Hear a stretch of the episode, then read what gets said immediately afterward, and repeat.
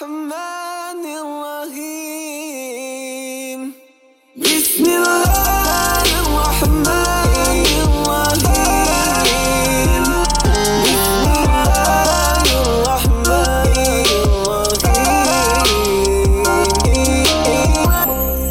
Budak on shoot. Tiba masih. Bapak ah, Budak on shoot. Apa? It's a TikTok video guys. It's a TikTok video. Ustaz tahu tak apa? Kira macam OOTD lah. Kira orang orang Malaysia pronounce it as OOTD on on Kira lah. ni meme. Kelakar Alah, jadi kalau kat, orang tengah dress up to say lawa-lawa Nanti dia macam Oh budak on on shoot. Bapak ah. Anyways guys Selamat datang. Selamat kembali ke ruangan NJU. Bersama aku Don Jani. Dan saya Ashnul Dan saya Ustaz Abdullah. Uh, dan podcast ini dibuatkan khas kepada anda oleh NGU Ajwa sekotak berharga $25 dapatkan dengan segera aku pun baru dapat baru semalam Ya uh, aku baru balik habis adik aku cakap uh, abang ni tadi NGU datang Cakap, Oh, ah, NGU datang NGU datang? apa NGU datang oh kurma Kira dengan Ustaz Nuzhan sekali, eh? ya. So, So, kurma ada ada kurma hantar. So dapatkan dekat our website kat mana bro? uh, ke lelaman www.nju.sg slash shop. And now, it's on to the show. Let's go.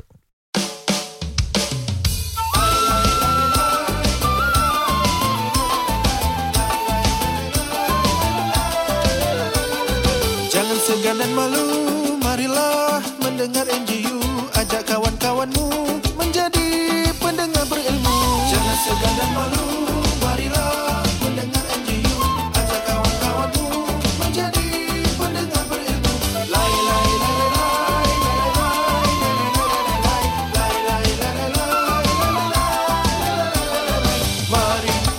Encik lambat. Assalamualaikum warahmatullahi wabarakatuh Apa khabar semua? Sihat, Waalaikumsalam Alhamdulillah. Alhamdulillah. Jom Alhamdulillah. bro kita go to the Kita. straight to the question. Okay, uh, kita ada daripada pendengar kita hmm. uh, dari CH4HRH.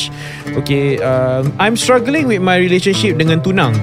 I don't know if this is ujian or a sign from Allah to remove myself from this relationship. Hmm.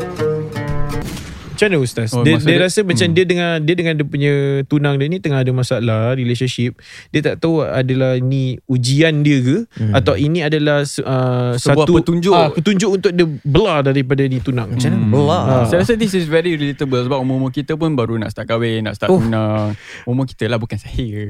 yang 25, 26, 27. Oh, ya, macam ni Hmm. ni untuk orang-orang yang umur tu lah. Macam aku ni 21 masih okey lagi Hmm, lah. kau belum ada plans nak tunang apa tak ada eh? Ah, tak ada. Aku masih muda lagi 21. So kau tak ada calon apa tak ada eh? Tak ada, tak, Tak ada. Ni 21 me- memang aku sekarang fokus fokus untuk diri aku je. Ah, yelah. Ah, So yeah. confirm eh tak ada eh? Tak. tak.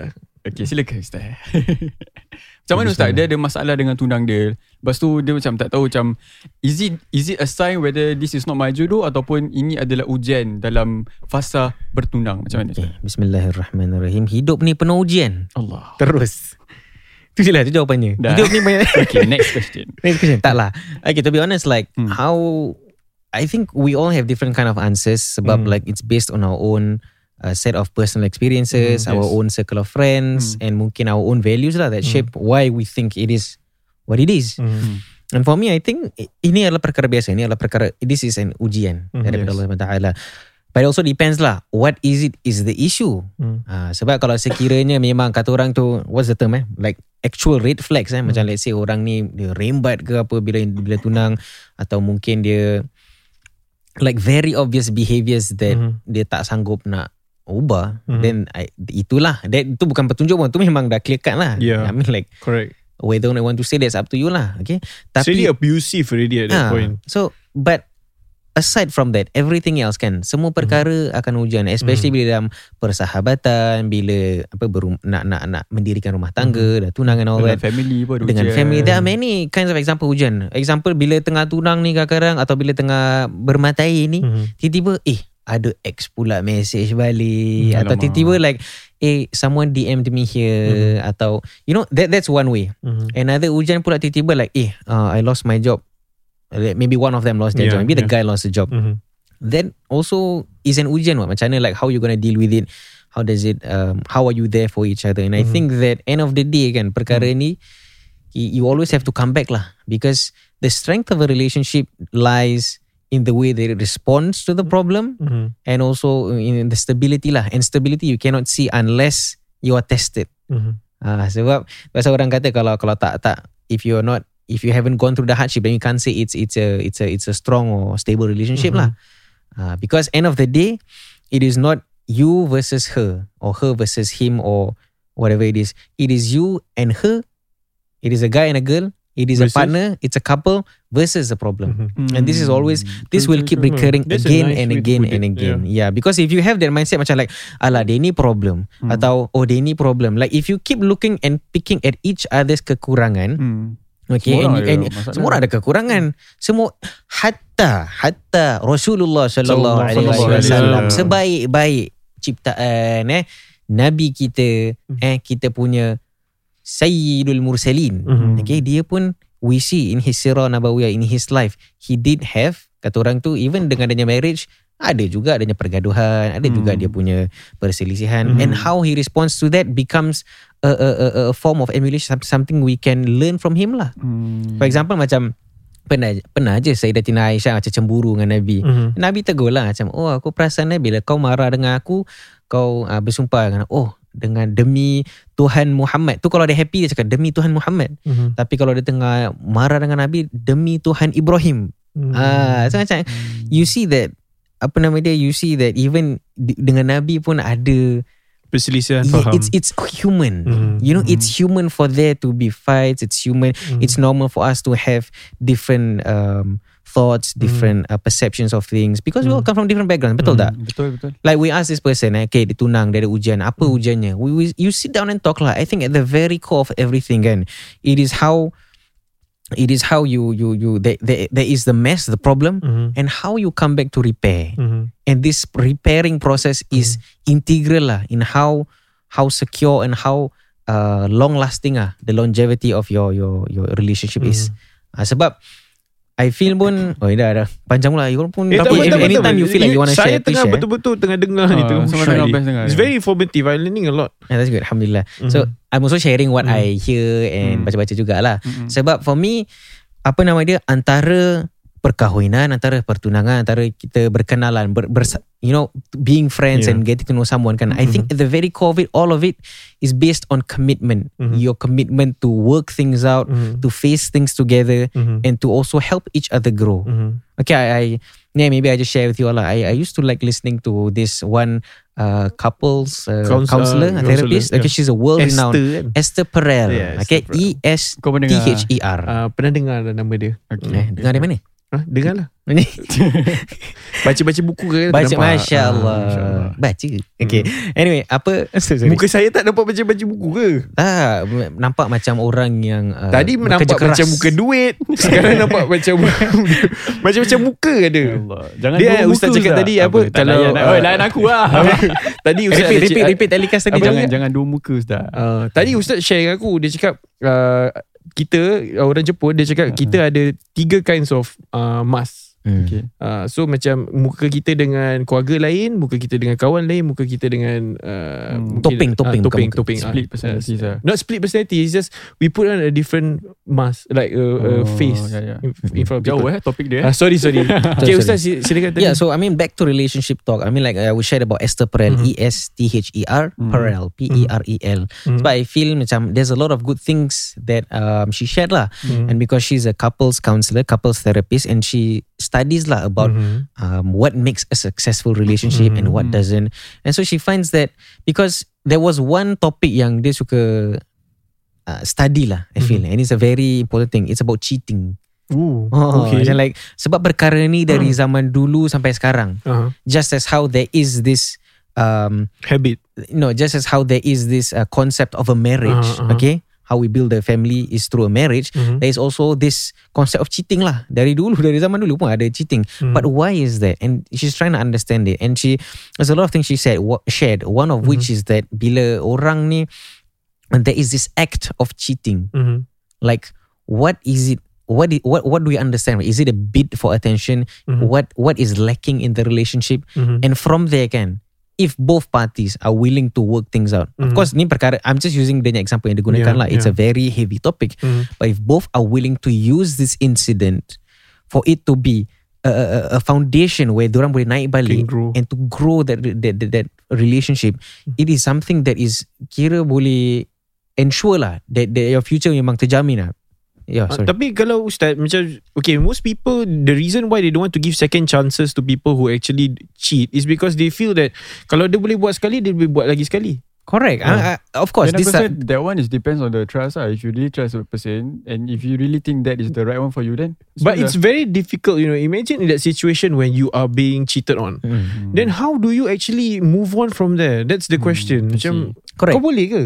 Macam Hmm. kau sanggup nak move on Hmm. with, with, in that kind of That- with that situation? yeah. person. Yeah, correct. And this is what dia pun she was trying to say that that, that she's not trying to advocate for those to those people to stay in a relationship Mhm. once they cheat, nor is she saying that you know we are not being black and white, but Yeah. we are trying to understand kenapa ada gini. What Mhm. what are the what are the aspects in the relationship that is lacking that we can use? Mhm. Sekiranya both parties want. And this is an example in cheating. There are also we can use other simpler things lah. Macam let's say orang ni kata ada ujian dalam dalam ketunangan mereka. What is it? Is it a defect? Is it a kekurangan dalam dia punya in the girl? Apa yang what was the problem? Yeah. Is it a character problem? maybe? Is it a character problem? Mhm. Is it a couple problem? Because sometimes a personal problem Mhm.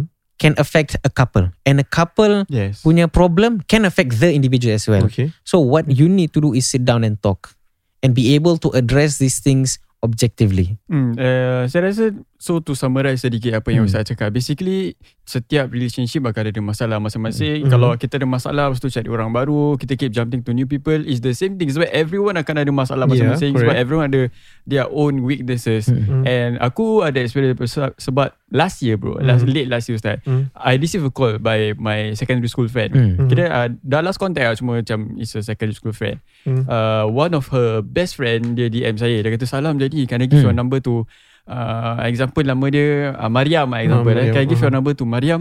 Macam okay boleh kan. Uh, dia kata sorry lah but this is emergency. Habis macam okay is, is, is she okay? Dia kata Hmm. yeah she will contact you. Mhm. Lepas tu yang contact saya Ustaz bukan Mariam. Tapi yang contact saya tunang dia. Hmm. Example tunang dia nama Farid okay. lah. Uh-huh. Farid uh, dia kata salam bro uh, bro Don Jani I am Farid uh, Ni Mariam nama fake eh? yang fake lah Hmm. Kena cakap nama betul kan uh, I am uh, Mariam punya tunang Macam uh, okay bro uh, Dia kata macam This is emergency Like Do you have any ustaz yang buat rukyah Macam Oh, uh, yeah lah well, Can I recommend okay. you some Dia kata sebab uh, My tunang Mariam tengah Tengah macam Di hantar barang whatsoever Hmm. Habis saya tak tanya banyak ah. Saya macam okay lah So I give blah blah blah And then the next day Hmm. Mariam called me Pagi-pagi tau Hmm. Ustaz Saya baru tidur Macam hello Macam oh uh, Hello Jani Ni Mariam ah Dari uh, Dari Secondary school. uh, Secondary school Hmm. so, Oh ya ya what, uh, Your your tunang like WhatsApp me Hmm. Last last night So what happened Hmm. Habis she tell me macam Hmm. Saya uh, I think lah Macam aku dah di, di, di hantar barang Sebab Hmm. macam Aku balik rumah Marah. uh, Marah Balik rumah Hmm. kira Asyik mengamuk Cranky Ah, faham, boleh layan Dengan It's affecting their relationship Faham. Ah. So dia kata Tunang dia Relationship dia terjejas sebabkan orang hantar barang. Ah. And saya bila bab hantar-hantar barang ni bukan kita tak percaya. Kita Ah. mungkin percaya wujudnya orang hantar Ah, sihir. Betul betul. Cuma saya rasa dah kebanyakan orang gunakan ruki, gunakan sihir whatsoever as a reason for their Excuse. for their wrongdoings. Yeah, yeah, You know yeah. bila bila apa bila uh, cheat dengan isteri, oh aku orang hantar barang sebab aku sebab tu aku macam uh, apa ni Hmm. cheat dengan orang. So go Hmm. back to the story. Dia kata uh, so what what should I do? So I gave her the nama-nama ustaz, Hmm. what sh- she should do. And then at the same time saya, uh, saya bilang dia macam uh, tapi at the same time you cannot blame 100% on Mhm, sebab mhm. orang hantar barang. Okay. Dalam in, in relationship Uh-huh. there will be arguments in relationship. Correct. Yeah, Because correct. Pasangan kita ni bukan malaikat. Betul. Pasangan betul. kita bukan nabi. Mas, pasangan kita manusia biasa and Betul. manusia biasa akan buat kesalahan. Yeah. So when you are in relationship, you have to understand that you are in a position where you need to accept kekurangan orang Mhm, lain. mhm. You need to learn to you. It's not about loving perfect person. It's Yeah, about loving imperfect person perfectly, and that is Ooh. that is relationship. Hashtag. Ah, Sweet so-. Allah. So that is what I think about this this situation. Ustaz. Yeah.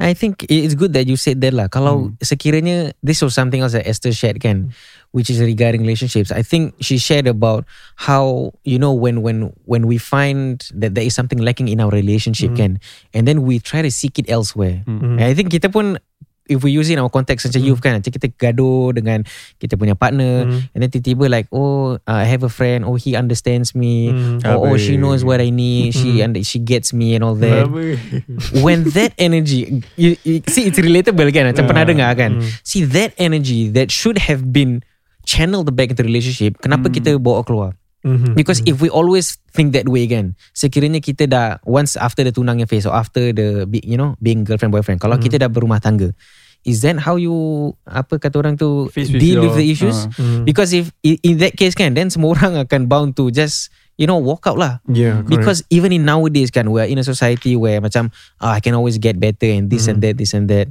Tapi To what end Sebab even ayat Quran Wa fawqa kulli dhi ilmin alim. Atas orang yang berilmu tu Ada lagi orang yang berilmu. Correct. So macam if you want to see things Oh uh, there's a better guy than this There's a better girl than this. Uh-huh. Kalau we keep thinking that Then kita we won't find That contentment that we want lah. Perkahwinan That's why they say Yang perkahwinan ni adalah uh, Separuh agama. It fulfills half your deen. Kenapa? Because from there kan Kita we learn We learn the meaning of patience. We learn the meaning of um, laksanakan kita punya tanggungjawab kepada kita punya spouses. Mm. We learn about how to build. It's a character building um, uh, uh, uh, uh, process lah. Yes, yes. That that kalau kalau kita senang-senang abaikan, then Mm. it loses the meaning lah. Yes, then what are the, where's the point of that? You are you are meant to learn, be together Mm. dalam susah senang. Even bila Nabi SAW bila Sallallahu dia dalam kesusahan, siapa yang dia cari? Sayyidatina Khadijah. Bila dia first dapat wahyu, betul tak? Siapa Betul. dia first cari? Sayyidatina Khadijah. So she wrapped him with a blanket, Mhm. give him comfort, and that is what our relationship should be. Mhm. That we should always be there for one another Hmm. dalam kesusahan Mhm. dan also dalam kesenangan. Kita senang cakap dalam kesenangan, oh yes, uh, I will be there for you all the time. Tapi Yeah. dalam kesusahan tu, how do you deal with it? Mhm. Hmm. So cakap, cakap pasal problems in relationship. Kalau Hmm. cakap pasal alam perkahwinan I think maybe kita macam ada Kita tak ada experience kan. Hmm. Cuma aku teringat satu cerita Nabi SAW So, alaihi bukan cerita Nabi lah Sahabat Nabi ni Satu hari. Dia dia selalu kena meletih Dengan isteri dia. Hmm. Letih Isteri dia sampai bebe bebe Dia sampai dah give up. Aku give up dengan isteri aku. So what he does is Dia pergi rumah Sayyidina Umar atau Abu Bakar Sayyidina. Umar. Sayyidina Umar So dia nak pergi mengadu lah Dengan Sayyidina Umar Macam dia nak bilang Macam bini aku banyak berbual lah Banyak meletih What, what can I do? Dia nak rant lah eh. Anak dia nak curhat lah. So dah, dah datang dah, dah, Dekat depan rumah Dekat rumah Sayyidina Umar Dia U-turn balik. Kau tahu asal bro. Kenapa? Sebab uh, Sayyidina Umar punya isteri pun Tengah bebel kat Sayyidina Umar Relatable lah. Oh I guess it's not when you leave kan So shows yang Jangan sebabkan kekurangan pasangan kita Our partner. Kita terus nak Ada solution terus nak Hmm. End the relationship. It does not It does not work that way lah Setiap pasangan akan ada kekurangan masing-masing betul? Correct. And, and it's very good because like kita nampak yang even sahabat ni the, the people the rid, ridwanullah alaihim Allah memberi ridwan atas mereka. Allah they were the ones who were around the prophet who learned from the prophet emulated the ways of the prophet sallallahu tapi they also had this household problem and it's normal. And for us kalau kita senang-senang kita how to say eh I'm not saying again we caveat this very nicely lah kita tak kata yang you need to stay you know in any whatever circumstances you have to stay. I'm not we're not saying that. Kalau sekiranya memang betul-betul like I said in the very beginning, kalau orang tu let's say the abusive, kalau betul-betul dia macam kaki pukul, kaki maki ke and all that kan, all these things yang clear cut, then you you have a, angkat kaki lah. Yeah. But if like you said, saya ni dah bertunang kan, dah ada, dah ada the, the, the intention nak kahwin Yeah. kan.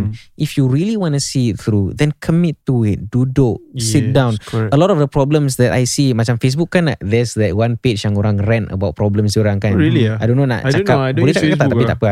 There's a page where orang akan just send a tiny URL nanti dia orang just rant lah and people will give their opinions on things. oh, Okay okay Yeah, you know that one kan. Ah so it's you see that a lot of the things kan isunya actually one side yang tak nak mengalah.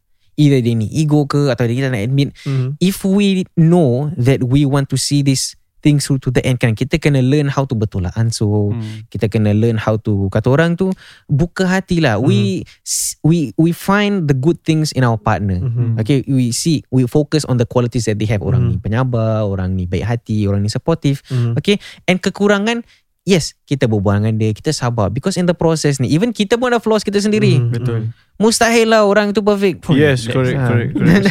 betul lah even Nabi sendiri ada dia you know problems in the household Mhm. So it is a long, long Journey. process. It's a long journey, Yeah. exactly. And and sometimes also it helps when we have people yang orang yang orang tua yang boleh kasih Support. kita pendapat. Mediate. Yes, because especially bila tunang kan masih muda Yes kan. correct So they do, belum rasa garam eh. Ah. Asam garam. Uh. betul lah Hmm. I, I, I, I got lah. the terminology correct lah maaf eh. Ah. So they will you know lah how do you navigate in a relationship. Sebab if I can share eh, ada masa tak? Masih ada Ada, ada, ada, ada. InsyaAllah ada Okay, saya nak kongsi pasal mak bapak saya sendiri. Hmm. You know, they are happily married for I think now almost than 40 years Mm. of marriage lah. Mm. And they said macam to be honest pun awal-awal orang tak kenal each other sangat Mhm. uh, because my father was a sailor Mhm, uh, so nine months out of the year Yeah. dia akan uh, kata orang tu At di, sea. at sea Yeah. and then dia balik sekejap okay and then orang cakap lah eh tapi you know ini orang kapal le orang jahat this is what orang the perception Yeah, that time lah perception, orang kapal ni orang jahat and all that but my mother you know pasal mm, dia nyemak pun my mother's mother so my grandmother lah apa saya tak apa orangnya baik so orang kahwin and then after kahwin they get to know each other get to know Hmm. and she sees that the qualities outshine Mhm. the quality macam for example my father orang yang penyabar dia punya orang is very responsible Mhm, mhm. rasa- you know so so it, it takes this boxer it's the qualities that we want kadang-kadang kita cari oh aku nak orang yang apa dia pangkat besar dia this and that this and that Mhm. sometimes we forget that the important qualities the values that we want Yes. itu that will sustain you for your whole Forever. life exactly Yeah. and I I- I know like those yang um, maybe yang going through all these things again eh, it all goes back to the same thing sit down berbual discuss and all that Tadi uh, before the discussion Aku Hmm. ada berbual kau about this Mhm. question Aku rasa you give me a really a good point Kalau kau Hmm. ingat Pasal Sebab dia tanya macam Dia ada masalah dengan tunang dia Hmm. So is this a ujian Ataupun a sign that uh, Tunang dia bukan jodoh dia And kau kata macam It's not up to It's not up to us To answer your question It's up to you You Yeah, correct. you you are the one yang face this When Mhm. it's it's up Your apa Jelaskan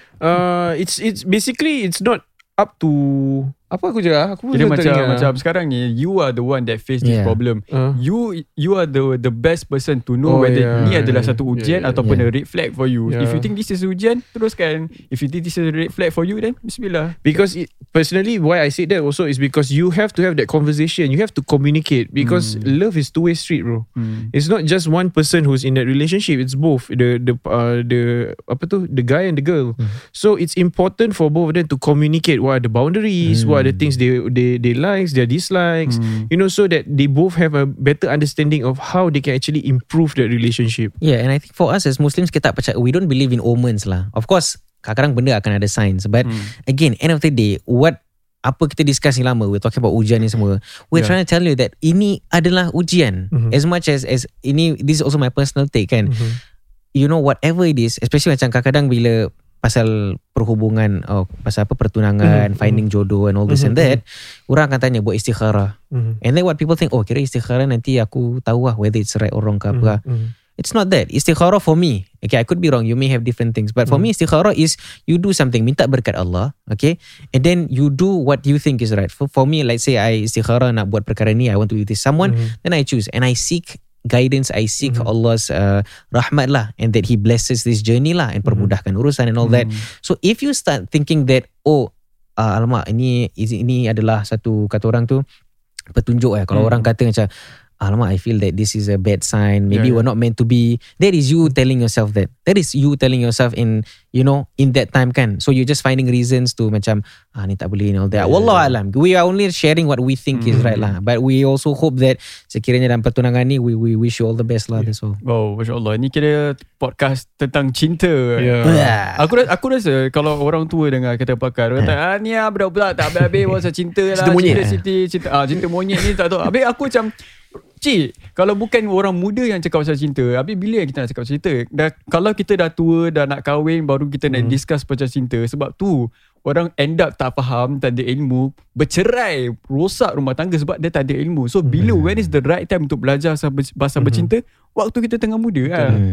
Thank you Ustaz for the most uh, very informative session lah. Alhamdulillah. And I think also people we cannot get uh, very fast solutions in in life, and it's Correct. always important to always understand that life comes with full of challenges, Betul. and it's always important to strive through and always do your best. Insyaallah. Okay, and podcast ini dibuka Ah, khas main. kepada anda oleh Kurma Ajwa satu uh, satu kotak berharga 25 dolar dan Yes. ingin maklumat lebih lanjut sila lungsuri ke laman Sila lungsuri ke laman kami www.nju.sg Dapatkan segera. Uh, Ramadan yang hampir tiba Dapatkan kurma anda dengan segera. Bismillah kita tutup dengan uh, tasbih kafarah dan surah ya. al-asr. Subhanakallahumma wa bihamdika ashhadu an la ilaha illa anta astaghfiruka wa atubu ilaik. Bismillahirrahmanirrahim wal 'asr. Innal insana lafi khusr illa alladhina amanu wa 'amilus salihati wa tawasaw bil haqq wa tawasaw bis sabr. Alright guys, ciao.